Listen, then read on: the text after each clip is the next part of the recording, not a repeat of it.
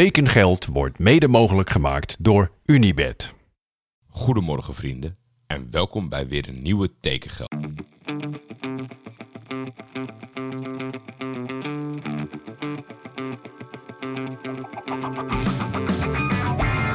Waar gaat Hilterman naartoe? kan u mededelen dat er overeenstemming is bereikt met Johan Cruijff bij Feyenoord. Navarone voor. Vandaag in andere kleuren, hè? Ja, dat zeker. Dat is wel even wennen natuurlijk. Een van de meest besproken transfers ooit, denk ik.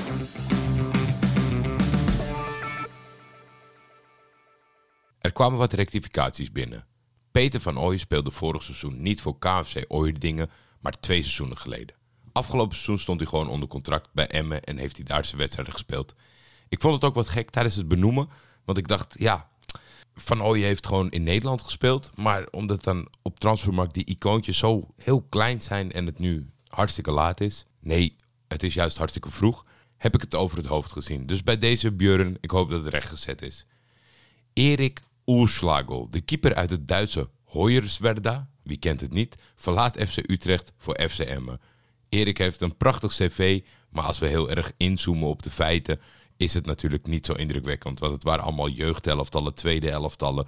En bij Utrecht heeft hij ook geen fantastische indruk gemaakt. Maar FC Emmen ziet het in hem zitten. En Dick Lukun is een goede coach, dus wat dat betreft, goede hoop voor Erik. Dan weer een bewijs om te blijven dromen. Op je achttiende nog gescout worden door een BVO. Het gebeurde de linksbuiten van Gemert. Dylan van Diepen gaat aan de slag bij Helmond Sport. Benieuwd of hij aan speelminuten gaat komen aankomend seizoen.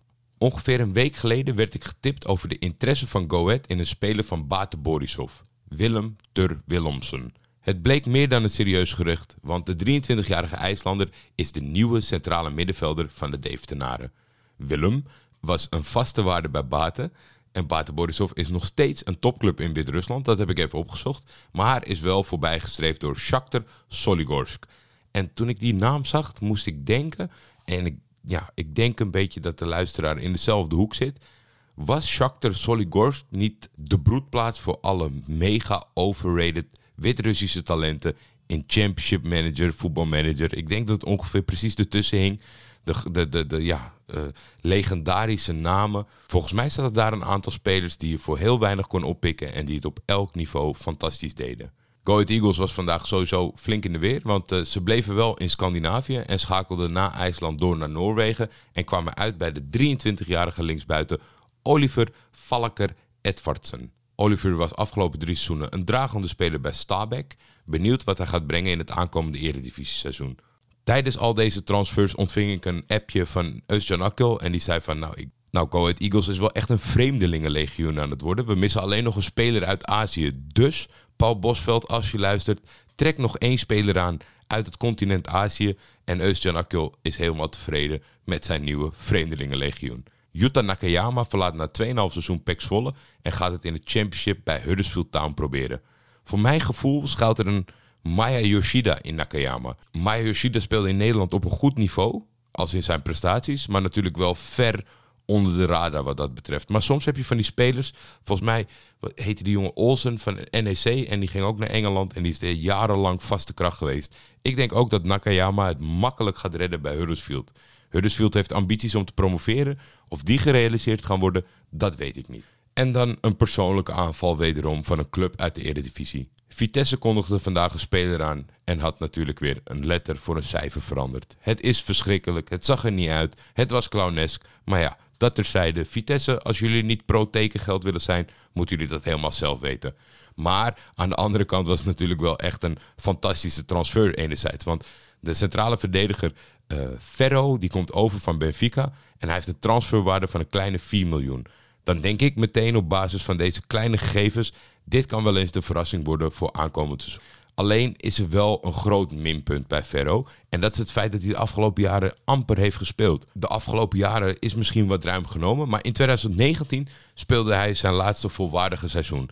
Maar dat was wel onder contract bij het eerste van Benfica. Dus ik ben vooral benieuwd, want ik weet het niet, of er luisteraars zijn die kunnen vertellen wat er compleet is misgegaan bij Ferro. Want hij wordt daarna verhuurd aan Valencia, speelt geen seconde, speelt sowieso bij Benfica geen minuut meer. Afgelopen half jaar Het tweede seizoen zelf natuurlijk nog wel in Kroatië gespeeld. En daar speelde hij ook vrijwel alles basis. Maar ik ben vooral benieuwd naar die periode na zijn vaste basisplaats bij Benfica.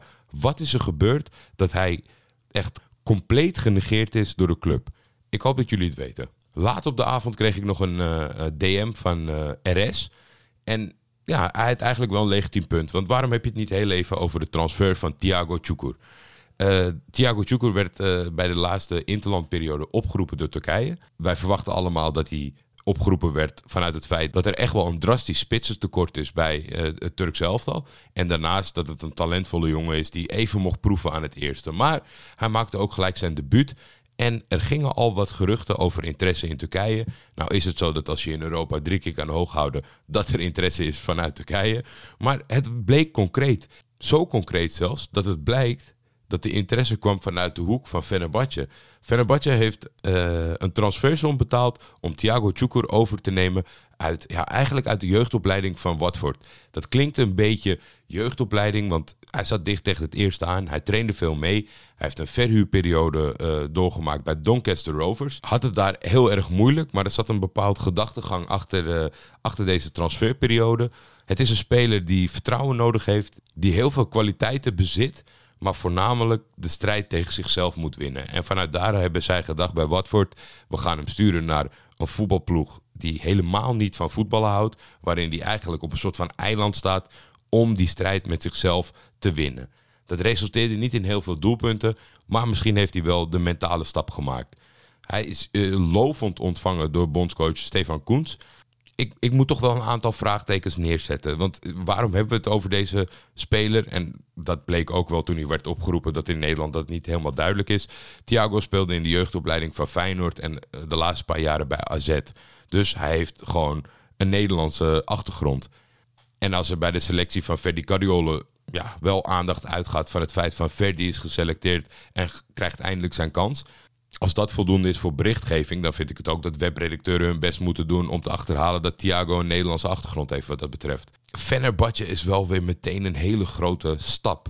Enerzijds zou je kunnen zeggen dat hij international is. En dan is het helemaal niet zo'n grote stap. Aan de andere kant, hij is international geworden met ervaring bij het onder de 21, onder de 23 van Watford en Doncaster Rovers. Dus ja, ik ben vooral heel erg geïnteresseerd in het plan van Fenerbahce met deze speler. Wordt hij meteen doorgestoten voor een verhuurperiode? Is hij de concurrent van de huidige spits in het eerste elftal?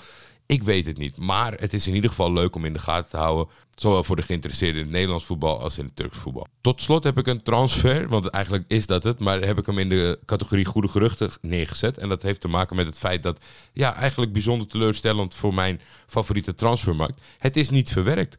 Want ik werd door Bart getagd in een bericht uh, van Sander Berends. En daar stond een mooi nieuwtje. VVV Venlo heeft Özcan Yashar vastgelegd. De aanvaller tekent voor een jaar met een optie voor nog een jaar. Hij komt over van NAC Breda en debuteerde voor Jong Utrecht in de keukenkampioen-divisie. Een mentaal zeer sterke spits en niet bang. Nou ja, dan denk je van...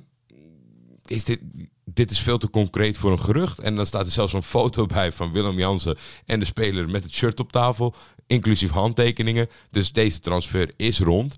Nou ja, de afgelopen dagen was het natuurlijk een beetje sprokkelen. En, maar dan heb je het ook over een speler die van Waterwijk vertrekt naar Nocerina. Hoe de fuck is deze transfer niet uh, vastgelegd door Transfermarkt? Ik weet het niet. Maar in ieder geval is Özcan Yashar de nieuwe aanvaller van VVV. Of hij meteen uh, inzetbaar is voor het eerste elftal, dat weet ik niet. Volgens mij heeft hij niet heel veel speelminuten gemaakt voor NAC. En Jong Utrecht sla ik wel eens over. Maar in ieder geval... Uh, ik laat hem voor nu nog even in de goede geruchtenhoek, omdat Transfermarkt deze nog niet heeft bevestigd, maar dat zit eraan te komen.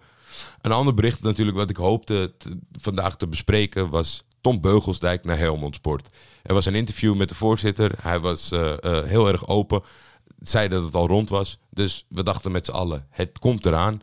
Maar het was het helaas niet vandaag. Misschien hebben ze even de tijd genomen natuurlijk voor een leuk aankondigingsfilmpje.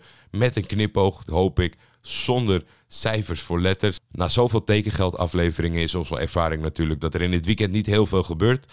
Ik weet niet of we zaterdag of zondag een mailback gaan doen. Jullie zien het op Twitter. Maar het zal uiteindelijk vast wel weer goed komen. Dit was tekengeld voor vandaag. Geniet van jullie zaterdag. Neem een bakje koffie. Het gros zal niet hoeven werken. Voor diegenen die wel moeten werken, zet hem op. Ik spreek jullie morgen. Tekengeld is een Schietvogeltje Media original. De intro is van Jacco den Hertog. Voor commerciële vragen en of samenwerkingen kun je mailen naar schietvogeltjemedia.gmail.com.